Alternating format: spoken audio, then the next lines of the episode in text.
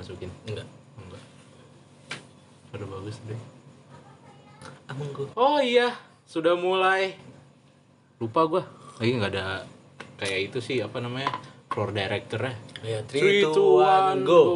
Kok go sih? Three, two, one, on air. enggak biasa enggak on air Oh, nih enggak ya? cuma nunjuk tangan doang nunjuk iya. gitu tuh Nunjuk tangan gini dong. eh Gak ada yang lihat. nunjuk tangan, gue nunjuk tangan ya gue. pokoknya kode untuk mulai dah Ya udah. Oke, three, two, one, go. Selamat datang di podcast malam Jumat. Apa sih namanya? Selamat datang di podcast Numpang Ngobrol bersama MC Dangdut tercinta Gale Bima Prasetyo dan rekannya Akebar Hendriana Oke. Kayak MC tinju cuman kayak MC dangdut. Kayak itu tahu apa MC tarung genggong bangsat tarung gengkong anjir yang berantemnya rebutan? Siapa duluan yang salaman udah dia berantem.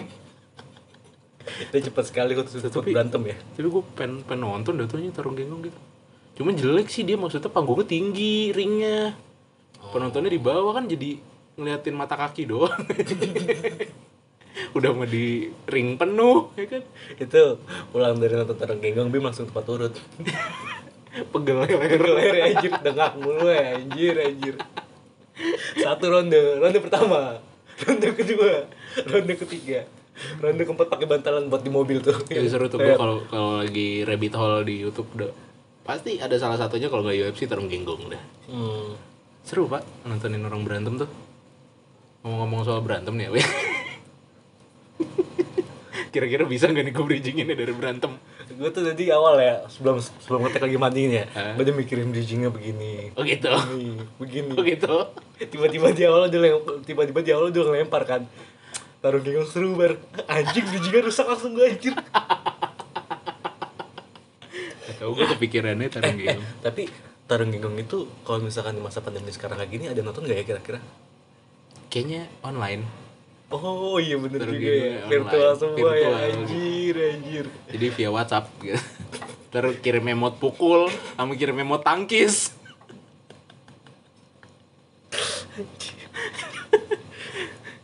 kan semuanya serba online sekarang. Iya Iya bener Tapi nggak berantem online juga anjir Anjir Apa tadi? lu, lu udah ngerusak bridging momen di gue tadi di awal. Yaudah, yaudah. ketika lu lempar taruh enggak sebenarnya sebenarnya masih bisa masuk sih. Yaudah. kan di masa apa di masa new normal sekarang kan eh yang tadi lu bilang tuh tarung genggong ya kan? Kira-kira ada nggak penontonnya ya kan? Wah ada sih, tapi online. nah itu gitu. dia. Nah sama juga kira-kira masalah konser musik. Uh, kira-kira kalau misalkan nanti sudah aman apakah tetap mengikuti protokol kesehatan yang jarak 1,5 meter atau tetap berdekat-dekatan Oh, gua- kan kalau misalkan jaraknya 1,5 meter nih berasa kayak senam-senam ibu SKJ anjir tinggal nanti depannya siapa nih mama tante-tante yang enak tuh dilihat nih ayo Jeng Siska pantatnya kurang digoyang itu. Ayo dong semangat. Eh Pak Joko jangan ngeliatin aja tuh. Nah, Bawain sirup, kek. kira-kira gimana menurut lu Gue gak tahu sih kalau konser cuman kalau eh, pertunjukan stand up comedy kan si Panji. Kalau si Panji kan udah udah udah merencanakan tuh. Dia bekerja sama sama BEM Kesehatan BEM Masyarakat UI. UI jadi eh, pertunjukannya dibikin jadi dua sesi kalau misalnya seandainya keadaan belum normal gitu. Tapi sebelumnya Panji, Panji juga pernah bilang kalau misalkan eh, dia melihat dari konser sebelumnya yang di tempat yang sama itu konser Raisa kalau nggak salah. Iya. Kalau nggak salah, kalau nggak salah. kan Patokannya di patokannya. Raisa Raisa di GBK Raisa di GBK juga soalnya. udah gila itu coba Emang Raisa setara PDI nyewa GBK Ya tapi kan ya ya apa eh, pecinta musiknya juga banyak luas segala macam. iya dong Berarti kita ngobrolin musik hari ini ya? iya dong Wih gila. kan kita udah mulai mau ganti tema mau jadi bahas musik terus Waduh. Musik tradisional pokoknya bunyi bunyian lah bunyi mesin air kayak bunyi apa ya pokoknya Kayaknya gue harus ada bunyi memori yang gue buang di otak gue deh. Bunyi slot musik-musik anjir. gue anaknya musik banget kan Gila. gokil Semusik apa sih lu? gue parah pak gue itu tuh sama musik tuh dekat sekali gue Tapi nggak jadian. enggak karena gue nggak mau jadian sama musik soalnya kalau udah jadian tuh biasanya nggak enak gitu jadi gue berusaha untuk jatuh cinta terus terhadap musik Eh. Tapi ngomong-ngomong soal musik nih Pak ya. yoi Kita masuk ke pembahasan kali ini Pak. oh apa tuh Apa pembahasan kali ini? mana gue tahu Kan yang lu yang ngasih ide pembahasan kali ini. kejedot gue tadi lupa ingatan gue kejedot Aduh, aduh. Jadi untuk episode kali ini kita mencoba untuk ngebahas masalah uh, penyanyi ataupun musisi yang meninggal dunia ketika berada di masa ataupun puncak kejayaannya. Anjing berarti gue nggak boleh bercanda dong Kita ntar kita ini dulu aja apa time up dulu. Nah, enggak enggak kita kita tuh selalu bisa menemukan hal-hal untuk dibuat jadi bahan ketawaan Ya juga sih anjir. santai Tapi itu terkadang bikin kita takut pak. enggak Takutnya kebablasan pak. enggak Enggak apa? enggak apa-apa gitu kan siapa yang dengerin kita nggak ada Ada. Kita berdua. ya nggak mungkin kan lu ngelaporin gue ke polisi aduh, aduh. Jadi episode kali ini itu mengenai pembahasan para penyanyi ataupun musisi yang meninggal di masa atau di puncak kejayaannya. oke gue berarti di sini sekarang menempatkan diri sebagai orang goblok yang nggak tahu apa-apa apa tuh bar siapa aja Wadaw, gila. Kayaknya lu beberapa episode suka kayak gitu deh, Bim. iya emang soalnya kan handphone gue yang dipakai buat ngerekam gue gak bisa baca materi Anjir, anjir. Untung materi bukan kisi-kisi ya. Soalnya kalau kisi-kisi besoknya ulangan, Pak. muah muah dong itu kis-kis anjir. Kis-kis bukannya buah ya? Kismis. kismis kismis kan dari anggur Ya kan bawahnya buah, anggur. anggur dikeringin Ya udah, balik ke topik. oh ya Jadi kismis dari anggur ya gue nggak tahu asal gue aja Aduh, jadi gua ngambil ya sekitar 5 atau 6 penyanyi yang eh, tutup usia ataupun meninggal di masa puncak kejayaannya. Kalau ngomongin masalah ini Pak, yoi. Ngomongin masalah karir penyanyi atau musisi yang meninggal di puncak kejayaannya itu yang gua ambil nih beberapa penyanyinya itu juga termasuk dalam grup yang mungkin beberapa orang menyebutnya adalah grup yang didasari atas teori konspirasi. Sri Mulat Kok sering mulat? ikan grup dia Tapi kan gua penyanyi. oh bukan tapi pernah nyanyi Iya juga sih. Iya.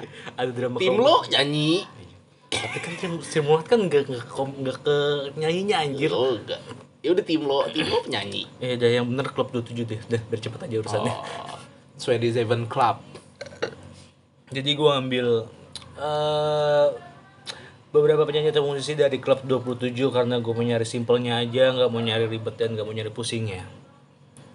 curang. Soalnya kalau misalnya nyari ribet dan nyari pusingnya, sama kayak kemarin anjir. Data yang gue dapet itu tuh apa 27 halaman anjir. Gak apa-apa biar kita kayak Nancy Judge Risetnya banyak.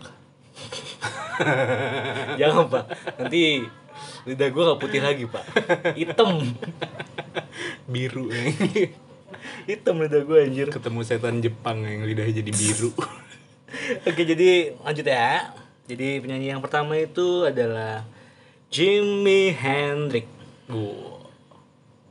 Siapa Jimi Hendrix? Gitaris Katanya lu nggak tahu. Oh iya lupa Nggak tahu gue ini Siapa sih dia Main itu ya Angklung Gak boleh gitu loh. Nanti nanti di ini lo, disumpul mulut lo. Kan gue nggak tahu lo. Kan gue nggak tahu ceritanya Dia itu main angklung ya Yang di Jogja Oh. Ini yang di Malioboro Yang biasa ngamen Emang ada nama Jimi Hendrix sana? Kali aja ada Eh, mungkin Terinspirasi Transpirasi. Boleh, boleh, boleh. Siapa tahu ada. Jadi penyanyi pertama yang meninggal pada masa puncak kejayaannya itu adalah Jimi Hendrix yang merupakan salah satu musisi yang terbilang meninggal pada puncak kejayaannya.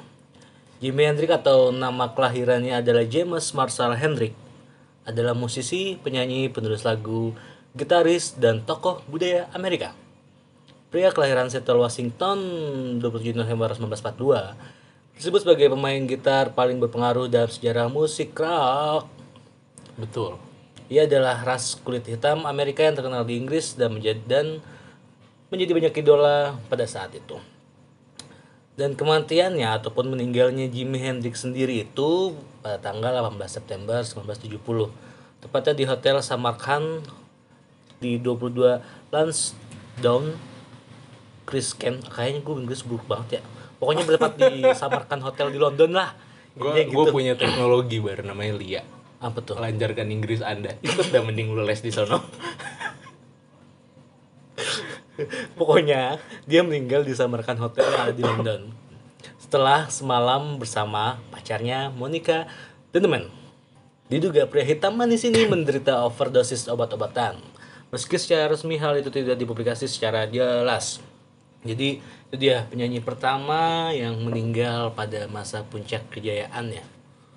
Si Jimi Hendrix. Ya. Kalau misalnya dilihat biografi panjang pak. Iya, pastilah. Tapi ada satu satu hal. Belum dia biasa nendang pakai kaki apa gitu kan pasti ada. Ya sih, cuman Jimi Hendrix sendiri tuh dikenal adalah pemain gitar kidal. Yoi. Dia pakai itu kan shell di kepala ya. Iya ya, nggak salah. Mana sih lo? Lah kan gue bukan bukan bukan bukan bukan fans ya pak, gue cuma jadi data doang Ya, pak. saya juga bukan fans ya. Iya saya kan Ya, fans fans saya. Elvis. Soalnya saya saya fans Liverpool doang pak.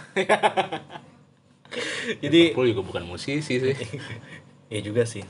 Jadi itu dia. Yang pertama itu adalah Jimi Hendrix. Eh, yang meninggal karena overdosis narkoba, obat-obatan, hampir kayaknya hampir beberapa penyanyi yang gua akan sebut nanti tuh meninggalnya itu dari faktor mungkin dari faktor depresi karena ketenaran sampai akhirnya dia apa lari ke obat-obatan segala macem Ya emang karena kan katanya dunia musik itu dekat sekali dengan obat-obatan terlarang. Katanya. Katanya. Gitu. ya karena mungkin ya sebagai penenangnya dia gitu Yoi. itu dia jadi masalah yang pertama eh masalah yang pertama Musisi yang pertama. musisi pertama itu adalah Jimi Hendrix kalau misalkan lu tahu lagi ini gue kasih sedikit mengulas sejarah dia nih ya Hmm. jadi itu awalnya dia itu enggak bermusik tapi awalnya dia mencoba untuk daftar dari militer Oh. Oke. pada tahun 1961 di divisi angkatan udara Tapi Cuma- dia takut ketinggian. Enggak Oh, enggak. diberhentikannya itu karena tingkah konyolnya karena kenakalannya Oh gitu. salah satu kenakalannya yang bikin bener-bener akhirnya dia diberhentikan secara hormat adalah dia masturbasi di area militer Cakep. Bagus. Kayak gue kalau ketemu dia gue mau salim deh. Tapi selepas dari dunia militer, dia mulai bermain gigs di kawasan timur, selatan, tengah Amerika Serikat. Hingga akhirnya bertemu dengan eh, band atau eh, band yang dimasuk jadi Little Richard. Little Little Little Richard. Little Richard. Nah, Itu dia, masuk dari situ. Hingga akhirnya ya habis dari situ dia tahun 1966 akhirnya ngebikin band lagi yaitu The Jimi Hendrix Experience yang akhirnya melambungkan namanya. Gokil emang. Nah, itu dia yang pertama si Jimi Hendrix, si Kang Hendrix. Cuman ya sayang sekali karirnya itu terbilang pendek. Namun dalam rentang waktu itu beliau berhasil, wih gila beliau. Dia berhasil ngebuat tiga album sukses dan beberapa penampilan spektakulernya. Orang-orang mengenang mulai dari Monterey Pop Festival hingga Woodstock tahun 16 eh tahun 1969. Dan ketika dia meninggal, beberapa orang pun menyatakan kalau musik rock tak akan pernah sama lagi semenjak dia meninggal. Ya kan ada istilah apa? Rock sudah mati gitu kan. Tapi menurut gue enggak sih. Wah, kenapa menurut lu? Karena tren itu bermuter. Ya juga. Jadi eh let's say kayak sekarang aja kan orang-orang udah mulai balik-balik ke tren tahun-tahun 60-an musik-musiknya ya kan. Kayak contoh Fur, terus Boy Pablo, terus Rex Orange County. Untuk yang di Indonesia mungkin kita bisa ambil Reality Club, oh, bandnya si Kitten Dash, debu debu anak kucing. debu anak kucing. Ya jadi tren-tren musik tuh ya bakal balik-balik lagi sih biarpun orang sekarang mungkin udah ninggalin rock and rock and roll atau rock gitu. Bakal balik lagi sih yakin gua. Bakal balik lagi menurut lu ya? Oh, ilah. Wow, oke. Makanya ini kan masih berkaitan dengan masalah gue mau agak sedikit ke dalam si klub 27 ini nih. Hmm. Seperti biasa kita diiringi backsound oleh para perempuan-perempuan yang berteriak di tengah malam seperti ini. Perempuan jalang. Tuh, dengarkan suara perempuannya kan? Anjing emang. Ah, ya Allah. Jadi masih berkaitan dengan klub 27 yang bisa dibilang si Jimi Hendrix juga masuk dalam klub tersebut. Klub 27 itu merupakan istilah atau yang merujuk pada banyaknya jumlah pemusik populer dan artis lainnya yang meninggal dalam usia 27 tahun. Oke, balik lagi. Maafkan kalau misalkan nanti ada beberapa ada background suara perempuan yang teriak-teriak mungkin dia lagi kesurupan ya, nggak tahu juga. Jadi masih berkaitan dengan masalah nggak di nggak kesurupan tuh Apa di dikelitikin making-nya. Oh, dikelitikin anjir anjir. dikit dikit dikit dikit gitu. Harus tadi harus tadi kata M nya nggak usah sebutin pak Gak apa-apa ya lah. Vagina. oke ah Siapa tadi? ya. 27 Club. Siapa lagi? Seven Club Selain Baik ya, Hendrix. Seven Club ya. Ya, selain Jimi Hendrix siapa lagi? Enggak, gue ngasih tau dulu nih, Twenty Seven yaudah. Club. Twenty Seven Club itu merupakan istilah yang merujuk atau banyaknya jumlah pemusik populer dan artis lainnya yang meninggal dalam usia 27 tahun yang kebanyakan karena penyalahgunaan narkoba dan alkohol serta tindak kekerasan seperti pembunuhan atau bunuh diri. Tapi bar, Apa tuh? menurut fakta yang gue baca aja ini Iya. tuh kayak 27, 27 Club itu cuman kayak cocok logi doang loh. Karena Iya. karena pada pada faktanya adalah lebih banyak yang meninggal di atas itu. Ya memang sih. Nah, iya kan kenapa nggak dibikin 30 31 Club? Tapi fakta lainnya adalah Bim. Kematian itu hanya rahasia ilahi. Iya bacot, bacot. Itu mah deh gue juga tahu. aduh, aduh, aduh. Eh ya faktanya kan lebih banyak yang meninggal di atas umur Iya, 27.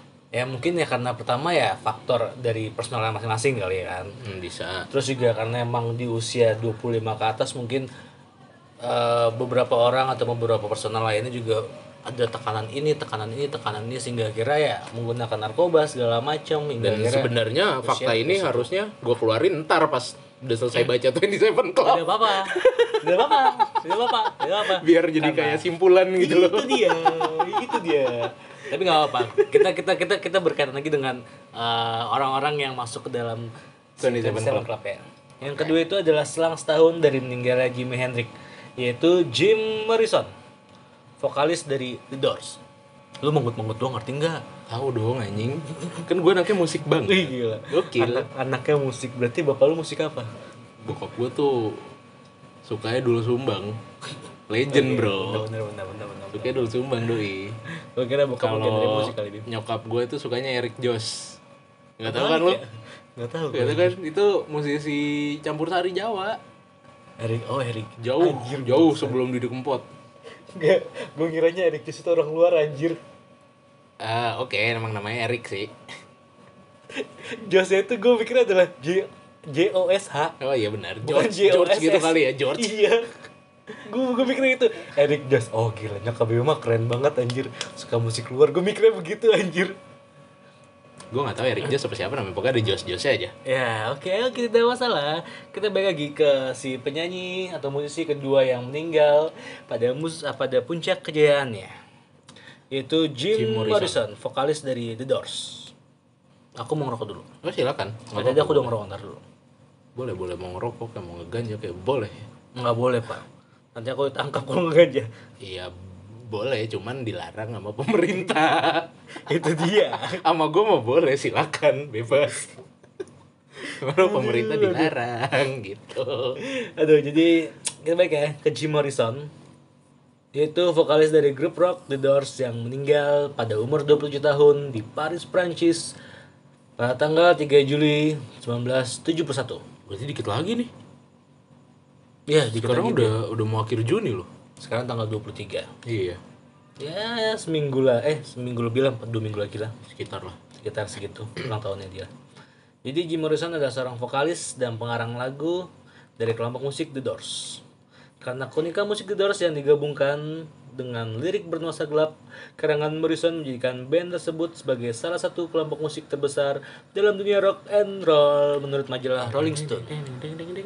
Rolling Stone luar apa Rolling Stone Indonesia? nih? Luar yang menjadikannya termasuk eh, yang menjadikannya masuk ke dalam 100 penyanyi terbesar sepanjang masa. Gokil sepanjang masa loh, Ber. Jim Morrison. Gila loh. Dia nomor berapa? Aduh. Aduh. Aduh. Aduh. Seharusnya lu udah mengantisipasi, gue pasti bakal nanya ini. Masalah tidak ada datanya, Pak. tidak ada datanya. Ya kurang lebih di antara 1 sampai 100 lah. Ya pokoknya eh, empat tiga lah. Iyalah, pokoknya kurang lebih situ lah. Eh, enak ya jatuhin orang.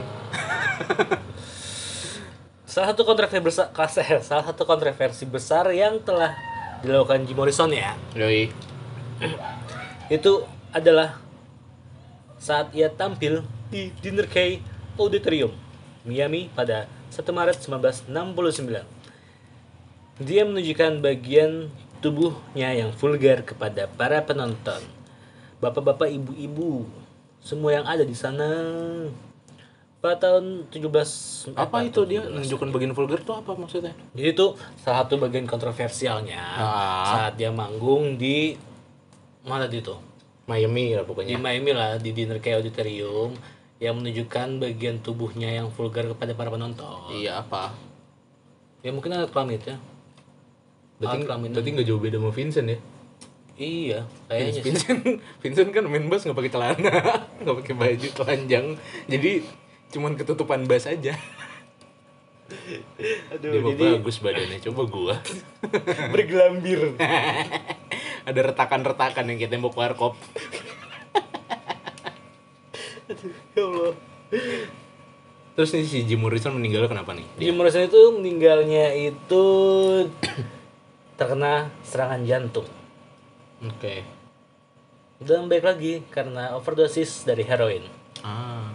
Jadi Jim Morrison meninggal pada dalam usia 27 tahun di Paris pada 3 Juli 1971. Pacar Jim, Pamela Corson, menemukan jenazah Jim di dalam bak mandi. Diduga penyebab kematian Jim Morrison adalah akibat serangan jantung. Beberapa penyebab eh beberapa kemungkinan penyebab kematian Jim telah ditemukan eh telah dikemukakan berbagai sumber. Salah satunya berasal dari Sam Bernard, seorang pengelola klub malam di Paris, menyatakan bahwa ia menyaksikan Jim meninggal akibat overdosis heroin di toilet klub miliknya. Berhubung tidak dilakukan otopsi pada jenazahnya, maka penyebab kematian sebenarnya tersebut tidak pernah diketahui secara pasti.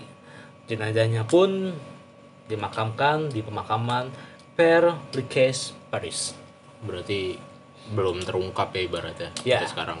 Tapi baik lagi, tidak jauh Ya. tadi yang awal masalah heroin, masalah Masih tapi ini masih asumsi-asumsi aja masih sih. asumsi-asumsi. Karena kan emang jenazahnya nggak diotopsi kan, nggak diotopsi. Jadi kita nggak tahu juga meninggal karena apa. Bisa aja karena yuk lanjut. Ya, Lanjutkan apa anjir? lanjut aja. Selanjutnya ada siapa? Ah, kalau tadi kan siapa namanya? Si Jimi Hendrix Ya. itu kenakalan di militer. Oke. Nah, kalau ini kontroversi di pas lagi manggung, Oh ya. ya kan? Tapi biografi singkatnya itu adalah ketika dulu dia itu adalah bingung ya nungguin ya. Iya. Jadi dia itu sebenarnya ada lulusan perfilman di Amerika Serikat Hmm. yang akhirnya menjadi penyanyi atau menjadi musisi. Emang nasib tuh gak ada yang tahu bar. Ya juga ya anjir ya. Ya kan nasib gak ada yang tahu. Gua Tadi kuliah dari militer lari ke musik. Iya. Sekarang dari perfilman lari ke musik. lari ke musik. Terus siapa tahu kan gue dari penulis gini lari jadi presiden. Enggak Bim, lu kan udah Bim. Apa? Dari sastra lari ke penulis. Iya habis dari penulis jadi presiden gitu misalnya. Eh presiden klub. Iya boleh, boleh, boleh, boleh. Presiden klub acak-acak. FC. Apa anjing aja aja sih? Ya mungkin kan pemainnya orang India semua acak-acak. Bagus. Itu dia penyanyi yang kedua. Oh, berarti masih ada nih yang ketiga nih. Masih kan gue bilang, gue ngambil tiga sumber dari apa tiga sumber penyanyi penyanyi eh, penyanyi atau musisi yang meninggal karena masa puncak jayanya dari klub 27 Oke. Satu lagi. Berarti. Satu lagi siapa nih? Babang Kurt Cobain anjay. Iya tuh. iya tuh apa anjir Iya tuh Kurt Cobain juga salah satu member dari 27 Club. Dan yang menurut ya gue tahu masih masih tahu gitu beritanya karena nggak terlalu jauh-jauh banget kan. iya nggak jauh-jauh banget tapi setahun sebelum kita lahiran sih. Iya maksud gue jadi gue masih tahu lah beritanya. nggak kayak yang tadi Jimi Emang beritanya gimana sih, Bim? sama Jimi Hendrix jadi waktu itu tuh ada di silet investigasi pas lagi terus ada itu kan terus akhir tahun in memoriamnya gitu Oh, lagunya ting ting ting ting. terus habis itu dibikinin acara kan tribut gitu bar beritanya Aduh, ya, beritanya aduh. beritanya nggak tahu nggak nggak terlalu jauh-jauh banget lah dari tahunan kita gitu jadi Ya. masih agak tahu lah dikit Oke, jadi Kurt Cobain itu atau nama lahirnya adalah Kurt Donald Cobain yang lahir di Aberdeen 20 Februari 1967 dan meninggal di Seattle 5 April 1994 pada umur 27 tahun. yang paling tragis nih menurut gua. Ia adalah penyanyi, penulis lagu, dan gitaris dalam grup band apa sih ini? Nirvana. Nirvana. Enggak, depannya ada. The Nirvana. Dalam dalam band gr grungy apa sih? Grungy Grunge. grunge. Nah itu dia bahasanya gue nggak tahu kan anjir. Ya udah ya gua kasih tahu. Lia lancarkan Inggris anda jadi nama Kate Martin lu ntar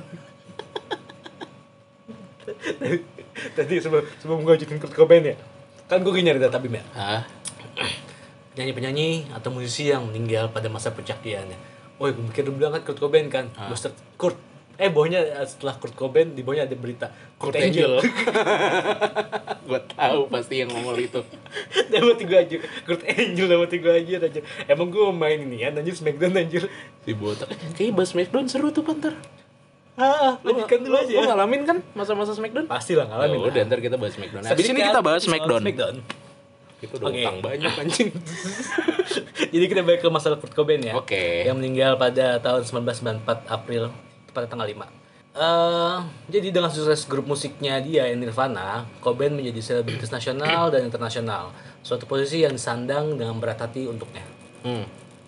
Pada tahun 1991, lagunya melejit dan yang paling terkenal itu adalah Smells Thin Like Smells Spirit. Like Teen Spirit. Ya. Balik, Eh, balik, sorry, sorry, balik, sorry, balik. sorry. Sorry, Lia, Lia, Lia, Like Lia. Teen Spirit. Lia, Lia. yang menandai bermulanya perubahan besar dalam musik pop dari jenis musik yang populer pada tahun 1980-an seperti glam metal, arena rock, dan dance pop menjadi grunge, Grunge. grunge, lia, lia, lia, lia, lia, grunge, dan rock alternatif. Ya, ya. Selain itu lagu-lagu tulisan Cobain lainnya misalnya About a Girl, Comes As You Are, Ya. In Bloom dan lain-lainnya. Oke, kita ngebahas masalah kronologi meninggalnya Kurt Cobain. Yoi. Panjang banget sebenernya anjir. Gak apa-apa. Dikit aja. Oke. Intinya aja. Intinya dia meninggal. Jadi iya, bener juga sih. Jadi intinya dia meninggal. Udah selesai. Enggak, jadi sebelumnya itu pada tanggal 3 April. Yoi. Love ini siapa ya? Hah? Ah, pada tanggal 1 pada tanggal 1 Maret 1994 setelah konser di Munchen Jerman, Cobain didiagnosa didiagnosa dengan bronkitis dan laringitis yang parah TBC. TBC. Ia diterbangkan ke. Roma hari berikutnya untuk menjalani pengobatan dan istrinya bergabung pada 3 Maret. Oh, Love itu istrinya ya? Gua nggak tahu soalnya. Maaf, mungkin ya kali. Iya kali. Jadi Cobain itu pada pagi berikutnya Love bangun dan menemukan Cobain sudah overdosis dengan panduan dengan paduan atau dengan campuran dari champagne dan rohingpol, rohipol. Ya pokoknya itulah. Pokoknya obat-obatan lah. Obat-obatan lah. Gak tahu obat apa. Dan dia pun dimasukkan ke panti rehabilitas pada 30 Maret. Pada malam 1 April, Cobain keluar untuk merokok dan kemudian kabur dari panti tersebut dengan memanjat pagar. Kemudian ia pergi ke Seattle dan menghilang. Lalu? Lalu pada 3 April, Love menghubungi seorang penyidik swasta bernama Tom Graham dan menyawanya untuk menemukan Cobain. Pada 8 April 1994, jenazah Cobain ditemukan di sebuah ruangan di atas garasi rumahnya di Lake Washington oleh pegawai VK Electric bernama Gary Smith.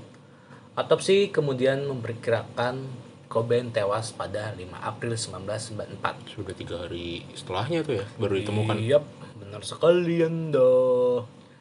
Dan di jaketnya ditemukan sebuah surat mungkin surat wasiat surat segala macam ya you know surat Iya, iya. suratnya Yang gue nggak nggak tahu gue. Gue nggak baca. Soalnya gue nggak dari TKP. ah parah lu anjir katanya lu mau jadi detektif Siapa yang ngomong gue mau jadi detektif? Orang gue mau jadi Mr. Prediction. iya bener juga ya. Gila lu. Jadi di, di suratnya itu adalah karena ditulis oleh seorang tolol. Ini isi suratnya ya. Hmm. Karena ditulis oleh seorang tolol keras berat yang jelas-jelas lebih pantas menjadi seorang pengeluh yang lemah dan kekanak-kanakan, surat ini seharusnya mudah dimengerti. Semua peringatan dari pelajaran-pelajaran punk rock selama bertahun-tahun setelah perkenalan pertamaku dengan mungkin bisa dibilang nilai-nilai yang terikat dengan kebebasan dan keberadaan komunitas kita ternyata bukti terbukti sangat tepat. Sudah terlalu lama aku tidak lagi merasakan kesenangan dalam mendengarkan dan juga menciptakan lagu sama halnya seperti ketika aku membaca dan menulis. Tak bisa dilukiskan lagi betapa masa merasa bersalahnya aku atas hal-hal tersebut. Sebenarnya panjang sih. Jadi ya mungkin kurang lebih kayak dia kayaknya gue gak pantas dari posisi gue Iya. mungkin dari dari surat yang gue baca ya Aha. soalnya nih suratnya satu halaman pak Oke. Tapi kalau yang gue tahu sih bar ya, si Cobain ini emang dia bahkan nggak suka sama lagunya dia sendiri yang Smash Like Teen Spirit. Karena saking terkenalnya itu lagu, orang-orang tuh jadi fokus sama bagusnya itu lagu doang. Tapi nggak fokus sama pesan yang pengen disampaikan sama si Cobain. Jadi Teen Spiritnya tuh hilang.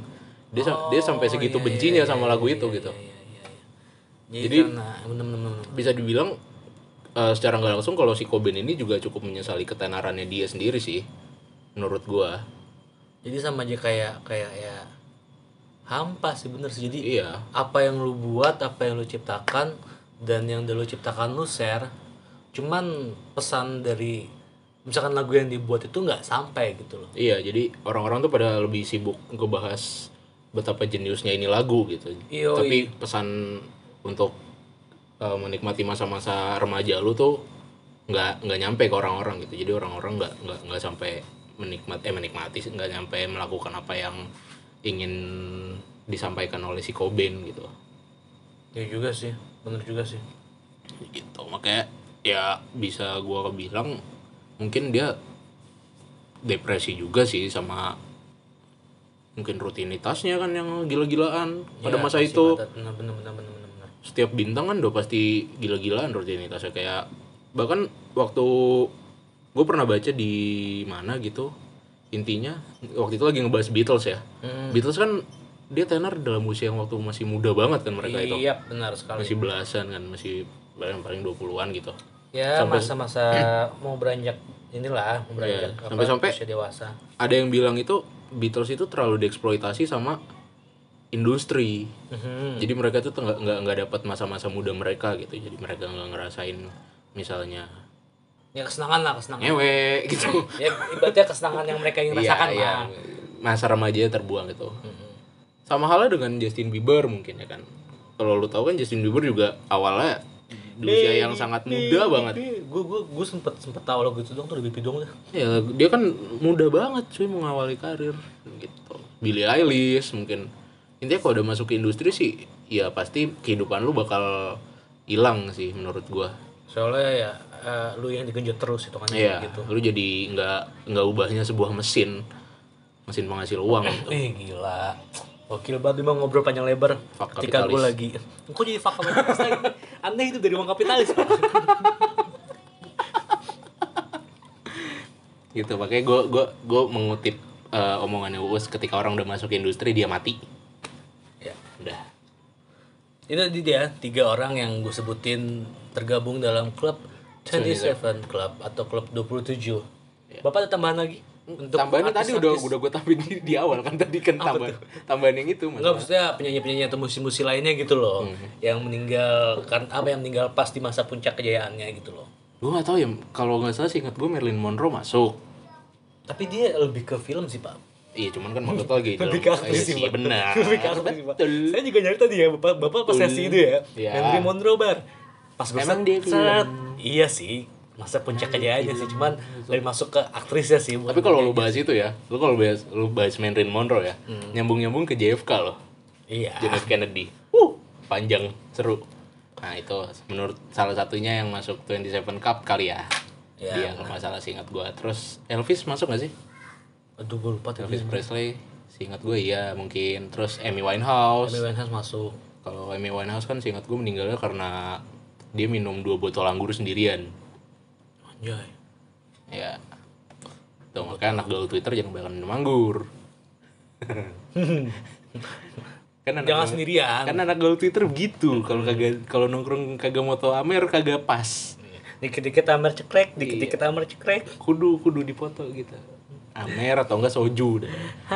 Kayak semua sama aja dia anjir. Habis minum soju kebanyakan jackpot keluar kangkung habis makan kangkung lu ya? Sayur pakis tempe orek. Jadi dia senin sampai jumat tuh makannya pakis kangkung tempe orek. Biar sabtunya bisa minum soju. Ngirit anjir anjir. Lanjut bar. Ada siapa lagi tuh yang meninggal? Aduh ya allah ya allah. Itu dia tadi tiga musisi atau penyanyi eh, internasional yang meninggal pada masa puncak kejayaannya dan sekarang kita waktunya beralih ke dalam negeri. Oke ada siapa ya tuh cuy? Seperti biasa diawali dengan yang meninggal mungkin di berdekatan dengan Kurt Cobain. Oke. Yang bisa dibilang dia adalah ratu rock Indonesia pada masanya.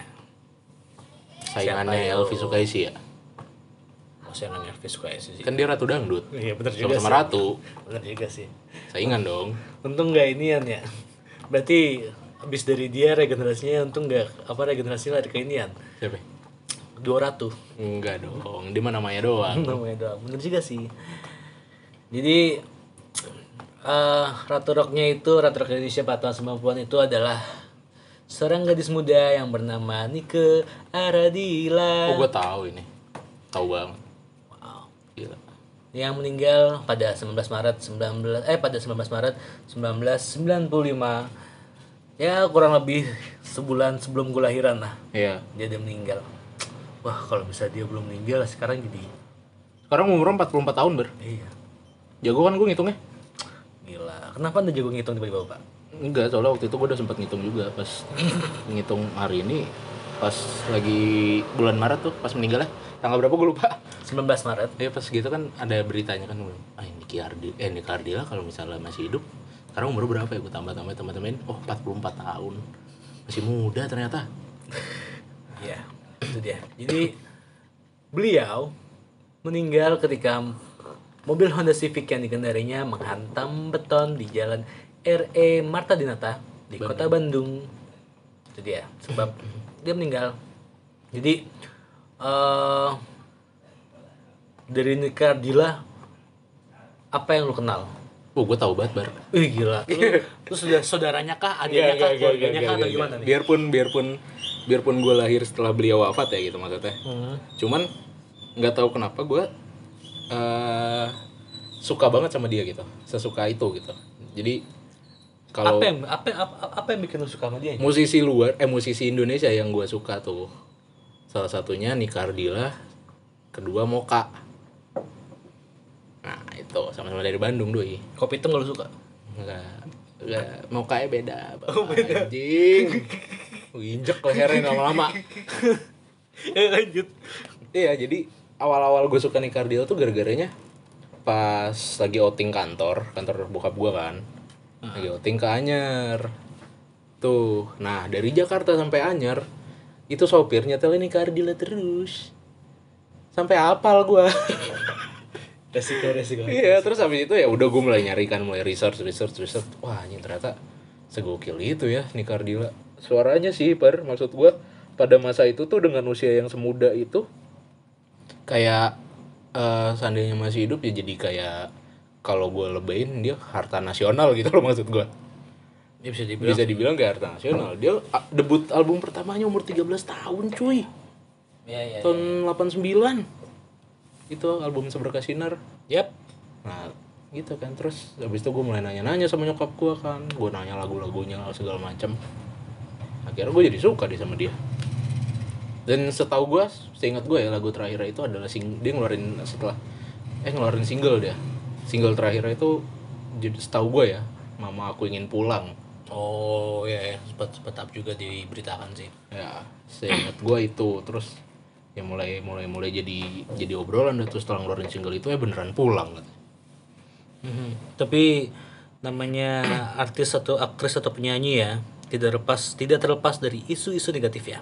hmm. Nah, beliau ini diisukan negatif tentang seputar kematiannya itu menyebutkan bahwa dia mengendarai mobil sambil mabuk sambil mabuk. ya Tetapi kemudian kabar itu dibantah keras oleh pihak keluarga yang menjadi saksi kunci ke- yang menjadi saksi kunci kecelakaan. Sofriatun mengatakan Nika hanya minum jus jeruk. Hasil visum polisi menyebutkan tidak menemukan kadar alkohol dalam tubuh Nika. Ada kesimpang siuran tentang waktu kematian Nika Ardila menurut saksi kejadian itu terjadi pada pukul 3 pagi tetapi saksi lain mengatakan bahwa kecelakaan itu pukul 5.45 pagi. Itu dia tuh. Jadi kurang lebih tuh kurang, kurang lebih nih ya kronologi kematiannya itu pada tanggal 19 Maret 1995 pukul kurang lebih pukul 6.05 pagi 6.15 pagi Nika Ardila tewas dalam sebuah kecelakaan tunggal mobil Honda Civic berwarna di mobil Honda Civic berwarna biru metalik dengan plat sekian sekian sekian ia menabrak pagar beton bak sampah di jalan Raden Edi Mardadinata, Martadinata. Diperkirakan Nika tewas ket- seketika, tetapi saksi yang berada di sekitar lokasi kecelakaan menurut Nika bel- menurutnya Nika belum tewas meninggal sejak saat kejadian. Barulah saat perjalanan dia meninggal. nah jadi setahu gue nih ya kenapa dia bisa separah itu kecelakaannya karena setelah mobilnya nabrak beton itu di belakangnya ada pohon gede banget jadi nabrak dua kali. Maksudnya gimana? dar muter dang. Oh, dia hajar pohon. Mobilnya muter, iya mobilnya terus gua setahu gua kan banyak Eh, banyak banyak aja. banyak yang beredar gitu kan. Iya, iya banyak dan salah banyak lah. satu yang gua baca sih gitu jadi habis setelah nabrak itu beton mobil agak keputar Mhm. ngehantem pohon pas bagian kanan kan tuh bagian supir kali. Oh, emang kayak Dan setelah pas kematiannya, wih gila, George Quinn, dekan dari Fakultas Studi Asia di Universitas Nasional Australia melakukan penelitian tentang kebiasaan orang Jawa yang melakukan ziarah. Ini pas kematiannya ya, kan banyak tuh Hmm. yang fans-fansnya yang fanatik ataupun yang baru mencintai, eh, baru mengenal dia berziarah ke makamnya kan. salut sih gua sama fans-fansnya dia masih Hingga tiap, kira- tiap tahun masih ngerayain ulang tahunnya Hingga kira si ini siapa nih dekan Fakultas Studi Asia Universitas Nasional Australia si George Quinn itu melakukan penelitian tentang kebiasaan orang Jawa yang melakukan ziarah. Dan penghormatan biasanya dilakukan masyarakat Jawa kepada para orang suci muslim seperti Wali Songo dan melihat penghormatan banyak bukti-bukti hanya Nika Ardila tokoh yang lahir di kebudayaan pop yang memiliki atau mempunyai penghormatan luar biasa. parah bar sampai dibikinin museum dia Ya, benar. di Bandung gua belum sempet sih sampean mau ke sana Makanya itu kan tuh itu yang dibilang museum kan tuh. Ah, Kayak misalkan kafe, poster-posternya. iya itu menghiasi ruang publik di kafe, bus TV dan lain-lainnya. Itu dia. shout out untuk Mas Salah satu mantap ya penyanyi inter eh penyanyi nasional yang meninggal bisa dibilang di puncak kejayaannya. dan orang-orang tuh pasti pada saat itu ya gue ngebayangin orang-orang pada saat itu tuh kayak anjir masa sih? Iya, bisa Soalnya kan kayak- dia lagi lagi bener-bener lagi di atas banget. bener di atas Di atas banget. banget nih, tiba-tiba kayaknya kemarin padahal gue baru lihat di acara ini deh. Kemarin gue baru nonton dia dia di acara ini. Terus tiba-tiba anjir. Itu tuh, masa sih sampai menurut soalnya kan dia ada saat ada satu masa bahkan yang saking produktifnya dia ya. Emang lagi di atas atasnya satu tahun itu ngeluarin tiga album. Hmm. padahal ngeluarin album satu aja kan produksinya kurang gila pasti nguras waktunya. Apalagi dia belum ditambah tur-tur konser ya kan segala macam. Tapi masih bisa ngeluarin tiga album kan gokil. Separah Produktif itu sekali. mantap ya. Itu dia si Ratu Rock Indonesia pada tahun 1990. Raden Nike eh, aduh siapa nama panjang banget namanya? Itulah, aku tidak menulis. Masih berkaitan dengan musisi atau penyanyi yang meninggal pada masa atau puncak kejayaannya. Yang kedua ini datang lagi dari Indonesia. yang kelima dong kan tadi udah empat. Yang kedua dari Indonesia. oh ya udah. Ya. Ataupun ya, yang ya, kelima secara keseluruhan. ya ya ya ya ya. Itu yang lagunya itu bisa dibilang one hit single kali ya. one hit wonder kali. Ya itulah. One hit single lah. Aku tidak tahu pak masalah itu pak. Iya iya. Si hahaha kalau ketawanya. Oh. Nggak gitu juga sih. Oh. coba gimana ketawanya? A A A A. Gitu bukan? ah. Bapak siapanya ya? Gua itu eh, gue suka sih sama beliau gitu maksudnya. Biarpun lagunya yang gue kenal cuma satu emang beliau ini siapa pak? Mbak Surip kan. Wih gila. Tahu gua. Ya ya ya ya ya, gokil iya maksudnya biarpun lagunya yang gue kenal kayak dia cuma selenta gendong gue gue seingat gue ada satu lagi ada ada satu lagi ada seingat gue ada satu lagi ya. tapi gue lupa ayo apa yo Ah. aku juga tidak menulisnya ayo ayo tak apa yo gendong tak seret eh bukan ya bukan anjir anjir Pokoknya gue inget, seingat gue tuh ada satu lagi lagunya beliau gitu. Cuman gue Hmm. lupa gitu. Eh, Apa lah pokoknya. jadi penyanyi atau musisi yang meninggal pada mus- pada puncak kejayaannya itu yang lagi kita mau kita bahas berikutnya adalah si Mbah almarhum Mbah Surip yang terkenal lewat lagunya yaitu yang eh, lagunya tak gendong. Tak gendong ke mana-mana. Yang akhirnya hmm, mungkin bisa dibilang apa ya itu lagu masuk ke dulu kan zamannya RWT tuh. Yoi. Itu bisa sampai berapa? Sih gue lupa tuh. Nah ini nih. Gue baru, gue baru baca. Yang menjadikan lagu tak gendong itu populer akhirnya menjadi remake tune atau nada sambung pribadi pelanggan Excel ataupun lainnya yang dapat mengunduh yang dapat diunduh melalui ponsel yaitu mencapai jutaan pengguna di Indonesia.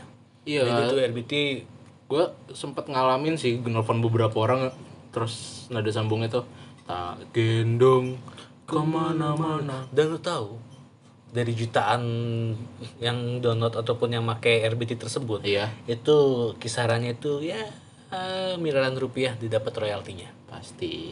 Seharusnya. Seharusnya. Cuma kita tahu masalah itunya ya. Cuman kan ya setahu gue pas zaman-zaman itu kalau menurut penuturan-penuturan musisi yang lain gitu yang gue denger katanya nggak nggak nggak seadil itu loh pembagian royalti gitu. iya, iya, Jadi lebih banyak ke manajemen daripada ke artisnya Oh, Oke. kayak gitu. Dan ada fakta menarik lainnya di balik lagu Tak Gendong sebenarnya. Apa tuh? Kan lagu Tak Gendong eh lagu Tak Gendong itu dirilis di album Tak Gendong juga. Oh ya. tahun 2003. Tapi menurut Mbah Surip sendiri atau menurut almarhum tersendiri itu lagu Tak Gendong ia ciptakan pada tahun 1983. Dia itu kalau nggak salah sih ingat gue udah bikin ratusan lagu cuman yang ditulis Ataupun yang masuk album dikit, dirilis ya gitu kan. Tahu gue gue pernah denger di mana gitu dia pernah ngomong, ingat gue pernah ngomong tuh dia bikin lagu tuh banyak banget. Karena juga setahu gue ya menurut yang gue sumber gue nih sumber gue kan kalau sumber lu kan dari artikel kalau sumber gue tuh dari omongan orang Ya sama aja nggak beda jauh sih. jadi dari omongan-omongan orang yang ada di situ gitu kan Mbak Surip ini dulunya udah sering banget main di Wapres Ya, di warung apresiasi tuh di Blok M kan daerah Bulungan itu kan Ya. emang tempat tempat kumpul para ini musisi itu yang gue bacain. oh itu Itu gue bacain. Oh, bagus. Jadi menurut Mbah Surip itu lagu Tak Gendong diciptakan pada tahun 1983 ketika dia atau ketika beliau lagi di Amerika Serikat. ah Walaupun pernyataan Mbah Surip sering disalahartikan sebagai gurauan, lagu Tak Gendong yang merupakan hit besar dalam pasar musik Indonesia saat itu sering dinyanyikan di komunitas jalanan, bulungan, dan Taman Ancol sejak tahun 2003. ya Itu masuk ke situ doang. oh iya tahu gua Mbak Surip Mbak Surip itu lama di Wapres sih jadi Hmm. kalau mungkin anak-anak kena tahun 2000-an pernah ke Wapres dan melihat beliau ya emang iya Ya, karena gue masih kecil waktu itu pak Oh, ya juga sama aja. Pak. 2003 itu gue kelas 3 SD 8 tahun. lah. iya eh Eh, 8 tahun benar. iya 8 tahun, Delapan dong tahun. bener kan gue lahir 95 gimana sih Kan lu lahir sama gue sama anjir. iya dong Tahunnya sama Iya, anjir. tahun sama Jadi kita ngulas masalah eh, kematiannya ya. Iya. Jadi Mbak Suri tutup usia pada hari Selasa 4 Agustus 2009 pukul 10.30 waktu Indonesia Barat. Ya pagi Iyalah, kan 10.30 waktu Indonesia Barat, udah jelas 10.30. ya gue ngasih tahu aja menegaskan pagi Iya. gitu. Di dia diseb- eh, meninggal dunianya dia itu disebabkan karena gagal jantung pada saat perjalanan menuju rumah sakit Pusdikes TNI Angkatan Darat Kramat Jati Jakarta Timur. Iya. Menurut bagian rekam medis Pusdiskes T- Musdiskes TNI AD, jenazah Mbak Surip sempat berada selama satu jam di RS Pusdikes. Jenazah kemudian langsung diambil oleh kerabat yang membawanya yaitu Mimik Prakoso. Mimi. Apa Mami? Eh Mamik, sorry maaf ya Allah, maaf salah. Mami. Mamik Prakoso. Menurut berita serangan Menurut berita serangan jantung tersebut disebabkan kebiasaan yaitu minum kopi dan merokok basurip yang berat. Bagus, gue lagi ngopi, lagi ngerokok. Rokok gue baru gue bakar. Makanya Bim, kayak gue dong, berhenti merokok. Bacot. Gue baru selesai ngerokok tadi. Makanya gue bacain dulu jadi potong. Itu inti poinnya sebenarnya. Bagus. Saya lagi merokok, saya lagi ngopi, hidup tidak sehat, begadang terus. Jadi kejadian tersebut diberitakan karena Mbah Surip tiba-tiba tiba-tiba minum air dingin sehingga menyebab- menyebabkan jantungnya bekerja secara labil. Tapi emang ngaruh air dingin. Ya, mungkin saja menurut penelitian kesehatan pas lagi otopsi segala macam kan mereka lebih tahu. Karena menurut faktanya adalah, yoi, Apa tuh? ini menurut fakta yang gue percaya ya, kan dan sepengelogikan gue aja sifat air itu kan mengikuti suhu ruangan yang ada ya. Jadi sedingin atau sepanas apa pun air yang lu minum ketika masuk ke dalam tubuh lu bakal ikut sama suhu tubuh lu. Ya mungkin ya karena dia keseringan minum kopi segala macam tiba-tiba minum air es. Kita nggak tahu. Makanya gue nggak tahu ya kan. Ini gue dari artikel doang dapetnya. Itu itu menurut logika gue begitu sih soal ARS. Makanya ada orang bilang ARS bikin gemuk menurut gue enggak sih. Apa korelasinya ARS bikin gemuk? Makanya kalau misalnya lo ingin lebih tahu, lo pelajari hal tersebut. Hah? Ya kalau ingin tahu lebih lanjut, Enggak, gue gue banyak baca tuh cuma bukan buat belajar, bukan buat pinter enggak biar bisa ngobrol sama cewek tuh banyak topik aja udah. Gitu gue. berarti lo sampai bisa ngebohong-bohongin orang ya. Bukan bohong juga. Ngebego-begoin orang Oh, dong. bukan. Iya, ngebego-begoin pasti karena gue suka banget ngebegoin goblok gitu. Suka gue. aduh, aduh. Ini dia penyebab kematiannya ya karena mungkin eh, kebiasaan beliau yang ya apa pendukung ataupun faktor lain yang eh, menjadi penyebab utamanya mungkin ya karena kebiasaan ngeropi dan ngerokok mungkin. Selain takdir mungkin. Hmm, bagus. Nggak ada yang bisa bantah itu mah. Udah selesai. Eh, tutup. Tapi tadi kan kita sebutin nih hal-hal yang tidak jarang orang ketahui kan. Mhm. Tadi siapa yang pertama? Jimi Hendrix Jimi Hendrix keluar dari keluar militer dari militer. Jim Morrison pada telanjang di panggung. telanjang di panggung. Dan ini eh, Mbah Surip itu walaupun mungkin ada beberapa orang yang tahu ya. Jadi eh, Mbah Surip dikenal dengan pengakuannya di media massa yang sering terdengar bercanda. Dia mengaku pernah bekerja di bidang pengeboran minyak serta tambang berlian. Dia juga mengklaim memiliki, lu tahu apa klaim gelar yang dimiliki sama dia? Apa? Doktorandus, Oke. insinyur Oke. dari MBA. Ah. MBA itu apa ya? Eh, di luar negeri lah pokoknya lah. Oke. Bagus. serta pernah mengadu nasib di luar negeri seperti Kanada, Texas, Yordania, dan California. Menurut Mbak Surip, dia menciptakan lagu Tegendong saat berada di Amerika Serikat dengan bertemakan kerjasama saling membantu dan belajar salah. Ya. Itu sebenarnya inti dari lagu Tagendong adalah saling membantu dan belajar salah. Coba gimana lagunya Bima? Gue gak hafal, cuman hafal di situ doang. Tak gendong ke mana-mana, tak gendong ke mana-mana gitu doang. Enak tuh, murah tuh. Emang iya? Ada itu Oh ada ya udah berarti ada. Jadi dia si Mbah Surip yang masuk ke dalam salah satu artis yang meninggal pada masa puncak kejayaannya. Dan finally Oke. satu penyanyi lagi dari Indonesia Ya. yang meninggal pada masa puncak kejayaannya.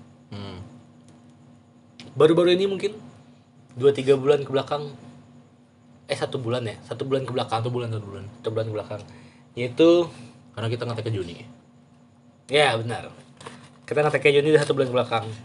Dan beliau adalah siapa Bim? Almarhum Pak De Didi Kempot. Gue bisa manggil Pak De atau Om sih seharusnya. Pade. Apa kakek ya? Ya kalau misalnya itu Pade sih lebih enak sih. Ya udah Pak De. Atau yang dikenal dengan Godfather of Broken Heart. Atau juga dengan sebutan Lord Didi. Ya ya ya. Gimana menurut lo? Apa? Apa menurut gue apa? Tentang sosok ini, sosok terakhir. Kalau eh Pak De Didi Kempot ya maksudnya eh, almarhum Didi Kempot gue cukup mengenal sejak kecil ya karena kita dibiasakan Basic. kita pernah mendengar. Basic basic basically kan gue orang Jawa gitu maksudnya. Jadi nyokap gue juga suka campur sari. Iya. dan kalau misalnya ada hajatan pasti disetel gitu. Iya. dan keluarga keluarga gue di kampung juga lumayan suka sama beliau. Hmm. jadi ya gue lumayan familiar sama lagunya dia sebelum di tenar gitu. Dan gue juga sempet kaget gitu pas dia tahu-tahu tenar pas dia tahu-tahu meraih puncak ketenarannya gitu. Ya gue sempat kaget aja. Wah gila nih berarti emang bener tren itu muter nih tren musik. Sampai akhirnya musik tradisional naik lagi kan. Kalau mungkin orang-orang zaman dulu ya suka gitu sama lagu-lagu Didi Kempot karena emang pada masanya. Kalau kita kan sekarang anak muda musik-musiknya paling ya nggak nyambung sih kalau ke, ke tradisional kan. Seharusnya tidak seharusnya. Seharusnya kan seharusnya kita mungkin lebih modern gitu. Cuman entah kenapa ya tahu-tahu eh, almarhum ini naik namanya gitu kan. Gue mulai tahu dia naik itu pas jujur agak telat sih pas di Gofar pas di ngobam. Pas di ngobam dia pas udah banyak kan tuh di kolom komen yang minta ini dong ini nih sama sama Lord of Broken Heart jadi kempot jadi kempot. Akhirnya tercapai kan bet barulah gue tahu background backgroundnya dia ternyata dia setenar itu di Suriname. Ya kan? Itu dia. Kalau gue sendiri sih nggak nggak nggak terlalu ngulik nggak terlalu ngulik lagunya dia cuman emang gue tahu karena emang udah sering dengerin di keluarga gue toh jadi eh, beliau ini almarhum itu meninggal pada tahun ini tepatnya 5 Mei 2020 sebelum meninggal beberapa bulan ke belakang atau di tahun kemarin lah 2019 jadi Kempot yang musiknya bergenre campur sari. Tadi lu bilang eh, genre musik itu eh, apa namanya Tren-tren itu tren-trennya berputar. berputar segala macam hingga kira ya kalangan muda segala macam secara langsung atau tiba-tiba menjadi suka dengan lagunya dia Iya, lagu-lagu dari beliau ya kan jadi beliau itu meninggal dunia pada 5 Mei 2020 pukul 7.45 waktu Indonesia bagian barat dalam usia 53 tahun di Rumah Sakit Kasih Ibu Surakarta akibat henti jantung. Ya, itu dia eh, meninggalnya beliau lah. Dan ya tadi lu bilang beliau bisa dibilang adalah lebih tenar di Suriname ketimbang di Indonesia. iya Itu dia. Jadi awal karirnya beliau itu mungkin kurang lebih ya. Kalau salah mohon dimaklumi, kalau misalkan ada lebih yang lebih tahu mohon dikasih tahu yang lainnya biar tidak salah. Jadi pada tahun 1984 sampai 1986 Didi Kempot memulai karirnya pada 1984 sebagai musisi jalanan dengan alat musik ukulele dan kendang. kendang pakai k sama h kendang Kendang, makanya itu kan dulu. Didi Kempot mulai mengamen di kota kelahiran Surakarta selama tiga tahun. Nah makanya itu yang apa sih namanya? Yang namanya dia loh. Apa sih kem- yang kempotnya ya? oh, Apa sih yang yang kempotnya itu? Pokoknya gue lupa deh. Jadi itu Kelompok bahasa- pengamen kelompok trotoar. pengamen trotoar. Nah itu dia. Jadi nama kelompok kempotnya itu tuh diambil dari eh, singkatan dari apa tadi? Kelompok pengamen trotoar Yes, itu dia. kalau kata gue kelompok penerbang roket ini sama band Tambah bentong anjir Terus sejak eh lanjutnya ya, ini kan awal karir ya. Terus sejak 18 eh 18 dong. Sejak 1987 sampai 1989 beliau mengadu nasib di Jakarta. Dan pada saat itulah ia kerap berkumpul dan mengamen bersama teman-temannya di daerah Selipi, Palmerah, Cakung maupun Senen. Dan terbentuklah julukan Kempot, yaitu kelompok pengamen Trotoar. trotoar yang membuatnya menjadi ataupun yang menjadi nama panggungnya dia sampai apa yang jadi nama- dia menjadi nama panggungnya dia lah. fakta fakta sih fakta dia itu adiknya mami Yap, itu dia. yang tadi ngambil jenazahnya Mbah Suri. Dan Dan emang darah seninya tuh udah kental banget ya. Kakaknya pelawak, dianya Iya sih, penyanyi. nyanyi. Dan fasenya dia itu sebenarnya dari naik turun naik lagi itu cukup panjang men. Panjang banget dan beliau konsisten keren. Itu dia. Legowo banget loh padahal lagunya banyak banget dinyanyiin sama penyanyi dangdut. Tapi dia nggak dapat apa-apa gitu maksudnya legowonya. Kalau nggak salah ya banget. apa sih? Kalau nggak salah ya kalau misalnya gue nggak tahu pernah pernah denger dari mana gitu gue lupa. Jadi ya asal asal ngomong sama dia gitu loh. Iya, asal kan ngomong sama dia ya udah sok dipakai e- gitu. etikanya emang seperti itu kan dan gue yakin kalau emang bener di eh mereka ini kalau si orang ini seniman banget ya maksudnya ya ya udah lu pakai aja Iya. Penting lu udah izin sama gue udah sowan sama gue gitu itu dia benar sekali dan mungkin salah satu lagunya yang bisa dibilang gue sempat ataupun pernah apa mengenal pertama kalinya dia ataupun suka sama dia itu ketika dari lagu anjir apa sih yang pertama? Yang pertama yang jelas adalah stasiun balapan yoi. Terus yang kedua anjir gue lupa lagunya dia anjir. Mana yang mana? Aduh anjir gue lupa anjir lagunya satu lagi. Nyanyiin nyanyiin. Gue lupa anjir serius. Siapa tau gue ingat. Siapa tahu gue lupa gue lupa gue lupa. Sumpah serius gue lupa gue lupa serius anjir gue lupa anjir bangsat. Gue gue ada dua lagu dia yang bener-bener mm, gitu loh. Anjir gue lupa lah. Jadi mari kita lanjutkan saja ya. Ayo, udah, ya. jadi awal khusus awal kesuksesannya dia itu sebenarnya kalau bisa menurut artikel dan berita itu pada tahun 1993 dan 1999 itu stasiun solo balapan yang menjadi latar tempat lagu stasiun balapan yang menceritakan perpisahan terhadap seseorang yang akan pergi menggunakan kereta api dan melalui karya ini atau melalui lagu ini beliau pun diangkat menjadi duta kereta api Indonesia oleh PT KAI gue baru ingat apa namanya tuh Sony Jos bukan Eric Jos tuh ya ampun anjir. udah yuk lanjut Oke. Terima kasih saya sudah mengingat ya. model-modelan sama kayak di Mas Didi Hmm. Jadi kita kita lanjut aja. Tadi itu kan dia kan melalui berkat karyanya stasiun apa stasiun balapan lagunya dia yang dibuat sampai akhirnya dia diangkat jadi duta kereta api Indonesia gitu loh buat para orang-orang ataupun anak-anak muda yang mau diangkat jadi duta yang mau terkenal itu melalui karya yang baik gitu loh Wow. Nah, yang gitu doang gua. gua kaget lu mau ngomong begitu yang tau tahu. Nggak nyiapin gua. Enggak kan bu- kalau misalnya beberapa tahun yang belakang kan ada tuh beberapa, orang di, diangkat duta karena kesalahannya ya kan. Ya. Nah ingin loh kalau mau gini caranya loh diangkat jadi duta itu karena karyanya yang baik gitu Ya loh. mungkin dia yang mengangkat jadi duta tuh menganut pip- apa eh, menganut ajaran people change. Jadi semua orang tuh bisa berubah gitu. Oh iya bener juga sih. Mungkin. Mungkin, mungkin Kita- saja. Kita nggak tahu jalan pikiran mereka Ya, gimana. itu dia. Dan tadi masih berkaitan dengan tadi lu bilang masalah dia terkenal di Suriname. Makin deres. Tidak apa-apa, makanya gue lebih dekat dengan sumber rekamannya. Jadi pada tahun 1993, Deddy Kempot mulai tampil di luar negeri, yaitu tepatnya di negara Suriname dengan lagu Cidro yang dibawakan dan akhirnya sukses meningkat pamornya menjadi musisi terkenal di Suriname Yoi. berkat lagu Cidro. Setelah Suriname pun beliau melanjut ataupun menginjakan kakinya di tanah Eropa yaitu pada tahun 1996 ia mulai menggarap dan merekam lagu dengan judul Layang Kangen di Rotterdam, Belanda. Kemudian Didi Kempot pulang ke Indonesia pada tahun 1998 untuk memulai kembali profesinya sebagai musisi. Tak lama setelah pulang kampung, pada awal era reformasi, ia mengeluarkan lagu berjudul Stasiun Balapan. Dan berkat lagu itu juga mungkin karirnya dia semakin populer. Ya. Masuk ke era-era tahun 20-an ya, abad 20 ya. Nah, Dan ya Didi Kempot pun kembali terkenal setelah mengeluarkan lagu berjudul Kalung Emas. Kayak gue ini nggak tahu dia yang ini deh. nggak tahu gua. Nah, itu gue nggak tahu. Hingga akhirnya lagu terakhir yang dibuatnya itu yaitu mengenai masalah COVID-19.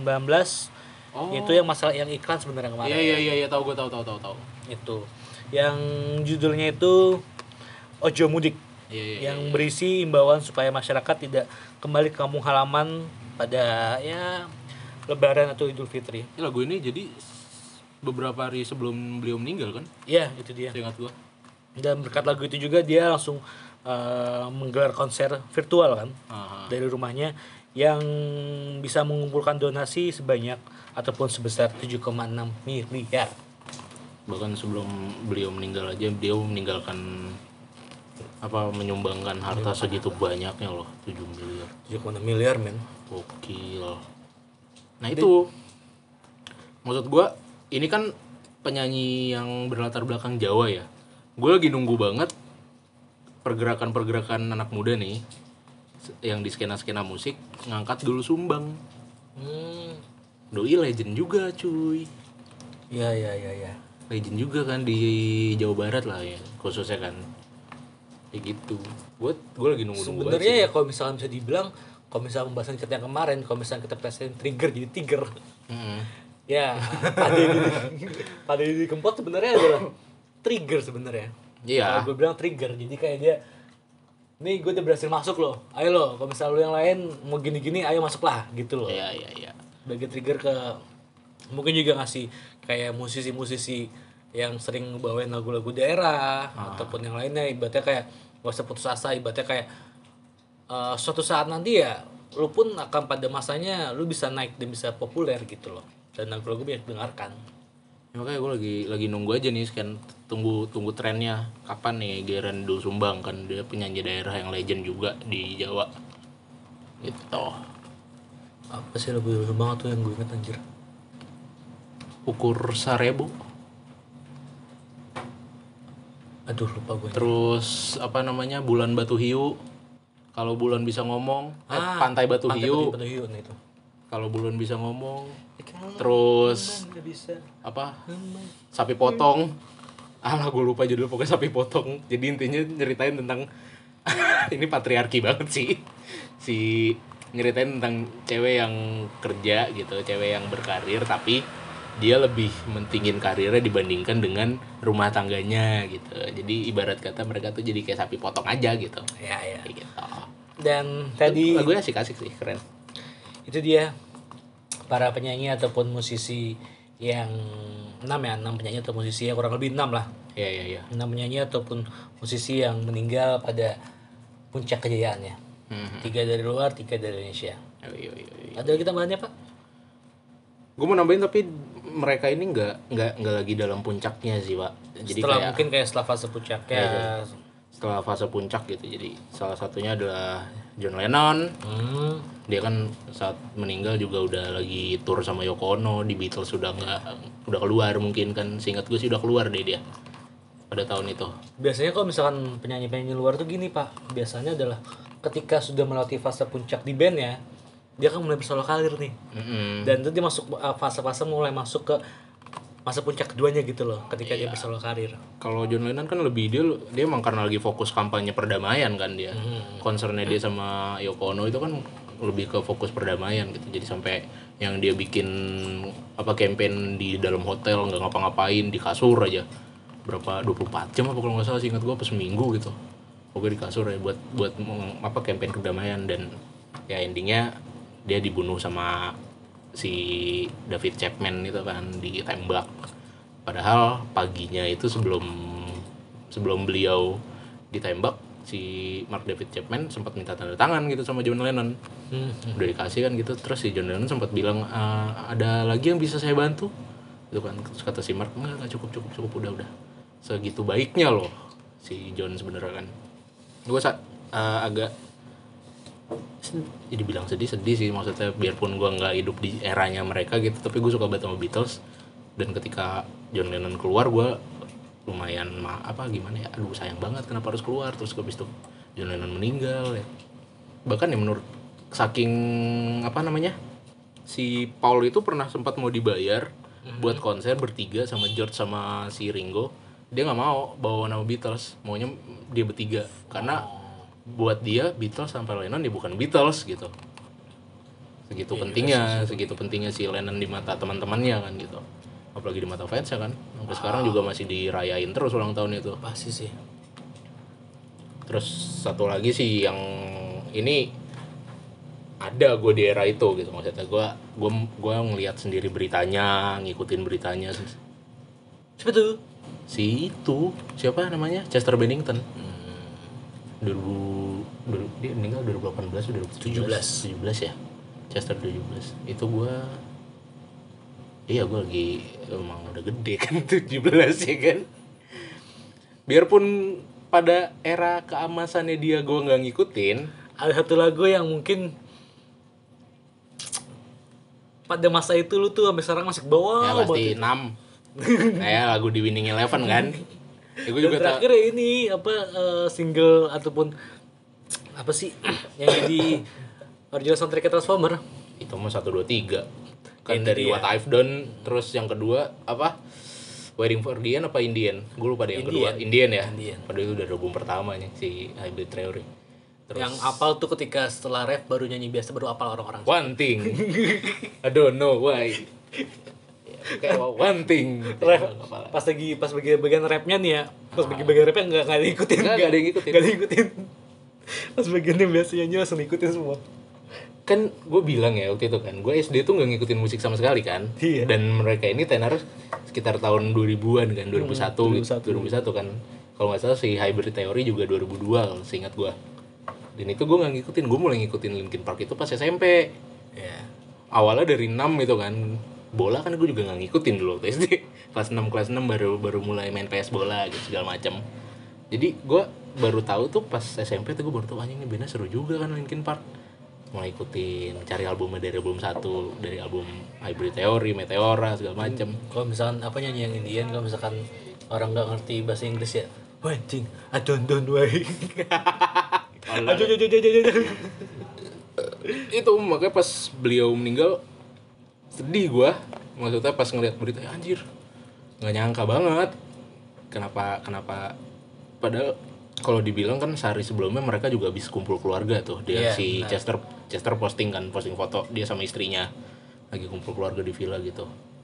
Nah itu kenapa sangat sangat disayangkan gitu maksud gua.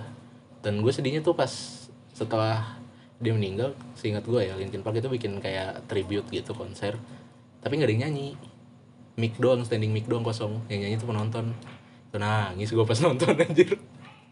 Mungkin kalau misalkan kayak misalkan eh ada satu orang yang meninggal terus tiba-tiba kayak jadi naik lagi tuh ada lagi atau lagi band Bim apa tuh? Avengers Sevenfold. Oh gue nggak ngikutin Avengers pak. Itu doang yang terakhir lagunya. Gue lupa apa sih lagunya yang yang yang untuk siapa drummernya. Hmm. gue lupa lagu judulnya gitu gue kalau Avengers nggak ngikutin gue gue cuma tahu lagu God doang udah itu lagu Dirgat. Itu doang terakhir udah. Itu, Itu itu doang. doang yang gue tahu. Iya. ada lagi yang lain. Yang dinyanyikan untuk si drummer ya kan? Si Linkin Park itu kan bisa dibilang musiknya tuh udah jauh banget beda ya dari awal hip metal dari awal hip metal sampai ke masuk masuk mulai mulai masuk elektro. Sampai nggak kedengeran gitar sama sekali tuh di album terakhir One More apa One More Light. Nah ternyata setelah banyak yang meneliti ya meneliti lagu-lagunya. Dia dari lagu Crawling tuh di album pertama juga liriknya udah mulai menceritakan tentang hal-hal yang gak beres gitu. Kayak tentang kedepresiannya dia. Kalau Crawling gue salah satu lagu far- apa favorit gue sih Crawling itu. Jadi dia kayak menceritakan tentang ada sesuatu yang menjalar di tubuh gue nih. Ini tuh nggak bisa berhenti. Dan luka yang dihasilkan tuh nggak bakal bisa sembuh gitu. Sampai di terakhir lagu yang paling single single terakhir lah dia kan di album One More Light yang heavy dicuring Kiara itu kan liriknya refnya sih kan yang paling berasa banget kalau wah ini mah kayaknya curhatan si Chester nih. Liriknya tuh dia kalau diartiin eh kita harus eh gua harus bertahan. Kenapa sih hidup ini tuh berat banget? Gitu. Kan holding on. Why everything so heavy? Itu tuh kayak wah ini ternyata ini curhatan si Chester kayaknya nih. Ya sampai dia akhirnya meninggal bunuh diri ya sama kayak kemarin episode kemarin. Yang kita kemarin ngomong apa tuh masalah apa? Episode dua episode sebelumnya yang ngomongin pendewasaan diri pendewasaan diri. Yang ngomongin masalah psikolog. Nah kalau ini eh makanya dari beberapa dari beberapa penyanyi ataupun musisi, musisi lain eh, musisi yang kita bicarakan sekarang itu adalah hampir penyebab kematiannya adalah berawal ataupun bermula dari depresi. Iya. Ya. Kayaknya kita ngobrol depresi lagi cocok enak ya. kan kalau kemarin kita mencari stok psikolog nih. iya iya iya Depresi iya. pas masuk kan. masuk Berarti ntar kita ngebahas itu juga, Bim.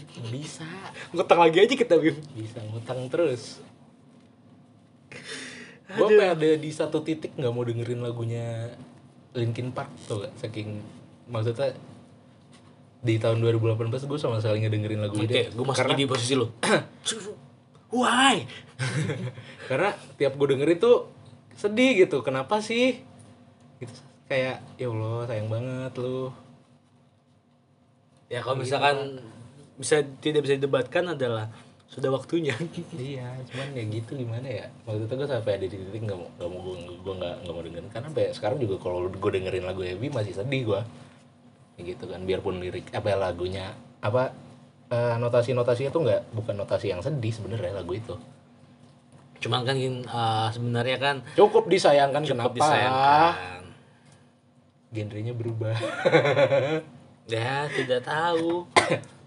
Nah itu kan mengikuti perkembangan zaman aja ya kita kan cuma bisa menikmati bisa aja jadi. gitu jadi ya mau genrenya berubah kayak mau apa ya udah itu mata serah dia Yep. juga lagunya masih enak kok Yoi. Jadi itu dia enam penyanyi ataupun lebih yang meninggal pada musa ah, pada puncak kejayaannya ataupun yang meninggal karena depresi ataupun lain-lainnya. respect Chester mantap Ya.